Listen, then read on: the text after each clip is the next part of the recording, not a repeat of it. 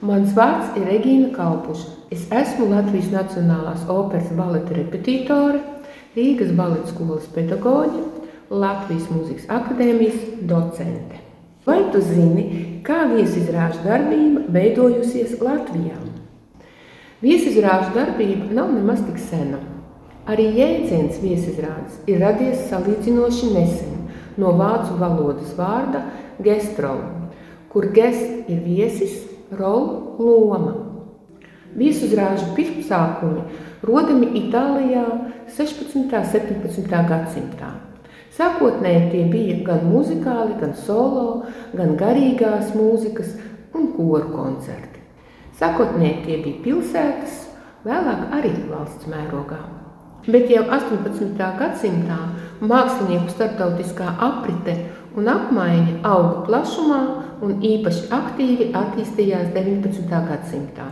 Domājams, arī tad radās tituls pasaules slavenības. Kā pirmās izskanējušās pasaules slavenības bija franču aktrise Sāra Bernāra, itāļu aktrise Eleonora Dūze, krievu dziedonis Fjodors Šaļāpins, itāļu dziedonis Enrico Caruso, dejotāja Marija Taljoni un citi. 19. un 20. gadsimta sākumā Krievija sāk praktizēt ne tikai solo viesizrādes, bet arī dramatisko muzikālo un arī baleta teātru izbraukumu izrādes ar pilnu dekorāciju noformējumu un visu aktieru, mūziķu un dejotāju kolektīvu. Baleta jomā īpaša nozīme bija Mēņingemas teātra viesizrādēm, tā saucamām Krievu sezonām ārzemēs. Tās aktīvi organizēja Krievu mākslas producents un impresārijs Sergejs Djagiļevs. Šajās viesizrādēs pasaule ieraudzīja Annu Pavlovu, ko šodien identificējam ar balerīnas simbolu, kā arī izcilo 20. gadsimta horeogrāfu reformātoru Mihailu Fokinu. Šajās viesizrādēs piedalījās arī Aleksandra Fjodorova, kas vēlāk septiņus gadus ļoti cieši bija saistīta ar Latvijas baleta attīstību, gan dejojot, gan iestudējot baleta izrādes Latvijas Nacionālā operā un arī audzinot jaunos baleta dejotājus. 19. gadsimta otrā pusē dalībai Latvijā iestudētās izrādēs arī tika aicināti ārvalstu dejotāji, piemēram, dejotāji no Polijas un Maskavas. Savukārt 1860. gadā Marija un Marijus Petipām, dodoties viesizrādēs uz Berlīni, pa ceļam uz ilgāku laiku uzkavējās Latvijā un uzstājās Rīgā. 20. gadsimta sākumā Rīgā viesojās arī slavenā Anna Pavlova, Olga Priabreženska un arī Mihails un Vēra Fokini. Kad 1922. gadā Latvijas Nacionālā operā tika nodibināta baleta trupa, tai aizsākās aktīvs attīstības ceļš. Un jau laika periodā no 1930. līdz 39. gadam Latvijas baleta mākslinieki regulāri tika aicināti viesizrādēs uz ārvalstu teātriem – Berlīnē, Helsinkos, Budapeštā, Venecijā un Parīzē. Baletmeistars Osvalds Leimanis tolaik tika uzaicināts strādāt arī Buenos Aireses kolonnas teātrī. Latvijas baleta nozīmīgākie notikumi startautiskā darbībā bija Pīsas baleta trupas viesizrādes.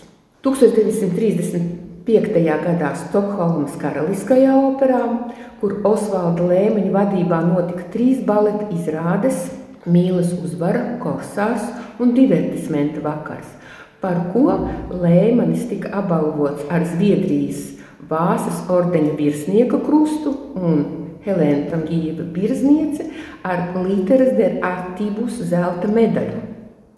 Otras viesizrādes bija 1939. gadā Varšavā, kur tika izrādīti Osvalda Lēmaņa viencēlieni, rūdens, lakstīgala un roze, skaramušs, bolēro.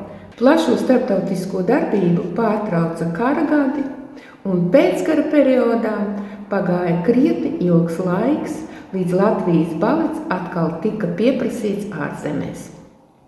Padomju laikos tika izveidota konkrēta centralizēta sistēma, kas Padomju Savienības teritorijā koordinēja labāko iestudējumu izrādīšanu festivālos, skatēs un olimpiādēs. Latvijas baletam bija plaša iespēja doties uz Padomju Savienības pilsētu teātriem, par viesizrādēm Rietumē Eiropā varēja tikai sapņot.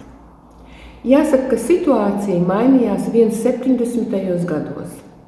Tolaik Rīgā viesojās pasaules slavenas baleta kompānijas, kuru vidū bija Jose Limona un Paula Taylora trupas. Vienlaicīgi arī Latvijas baletam atvērās brīvāks ceļš uz ārzemju viesizrādēm. Jāatzīst, pateicoties tolaik galvenā baletmeistara Aleksandra Lemberga personībai – kuru šogad atcerējamies viņa simtgadē.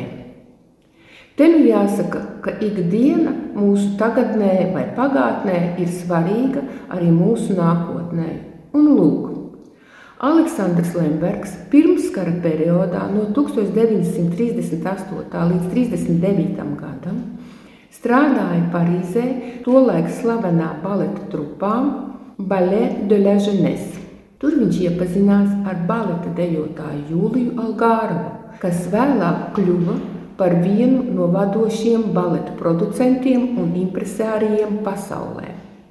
Pateicoties Aleksandra Lemberga un Jūlija Algārava personībām un milzīgam organizatoriskam darbam, ko abi bija ieguldījuši, lai panāktu iespēju Latvijas baleta trupai viesoties ārpus socialistiskā bloka, 1972. gada janvārī notika Latvijas baleta pirmās viesizrādes Francijā ar baleta viencēlieniem Šopenjāna, Jaukundze un Huligāns un divertismenta programmu. Kopš šīm viesizrādēm Latvijas balets praktiski ik gadu devies viesizrādēs un apceļojis teju visus kontinentus.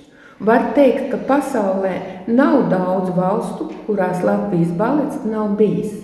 Tālajos 70. gados iepazīšanās ar kapitalistisko pasauli bija pārsteigumiem pilna, izbaudot katras valsts tradīcijas īpatnības, bet tie jau ir citi stāsti. Nobeigumā jāatzīst, ka patiesi viesizrādēm ir milzīga loma pasaules kultūras attīstībā un neapšaubāmi arī Latvijas baleta attīstībā. Uzsāktais viesizrāžu ceļš veiksmīgi turpinās arī šodien, nu jau Aivara Lēmaņa vadībā.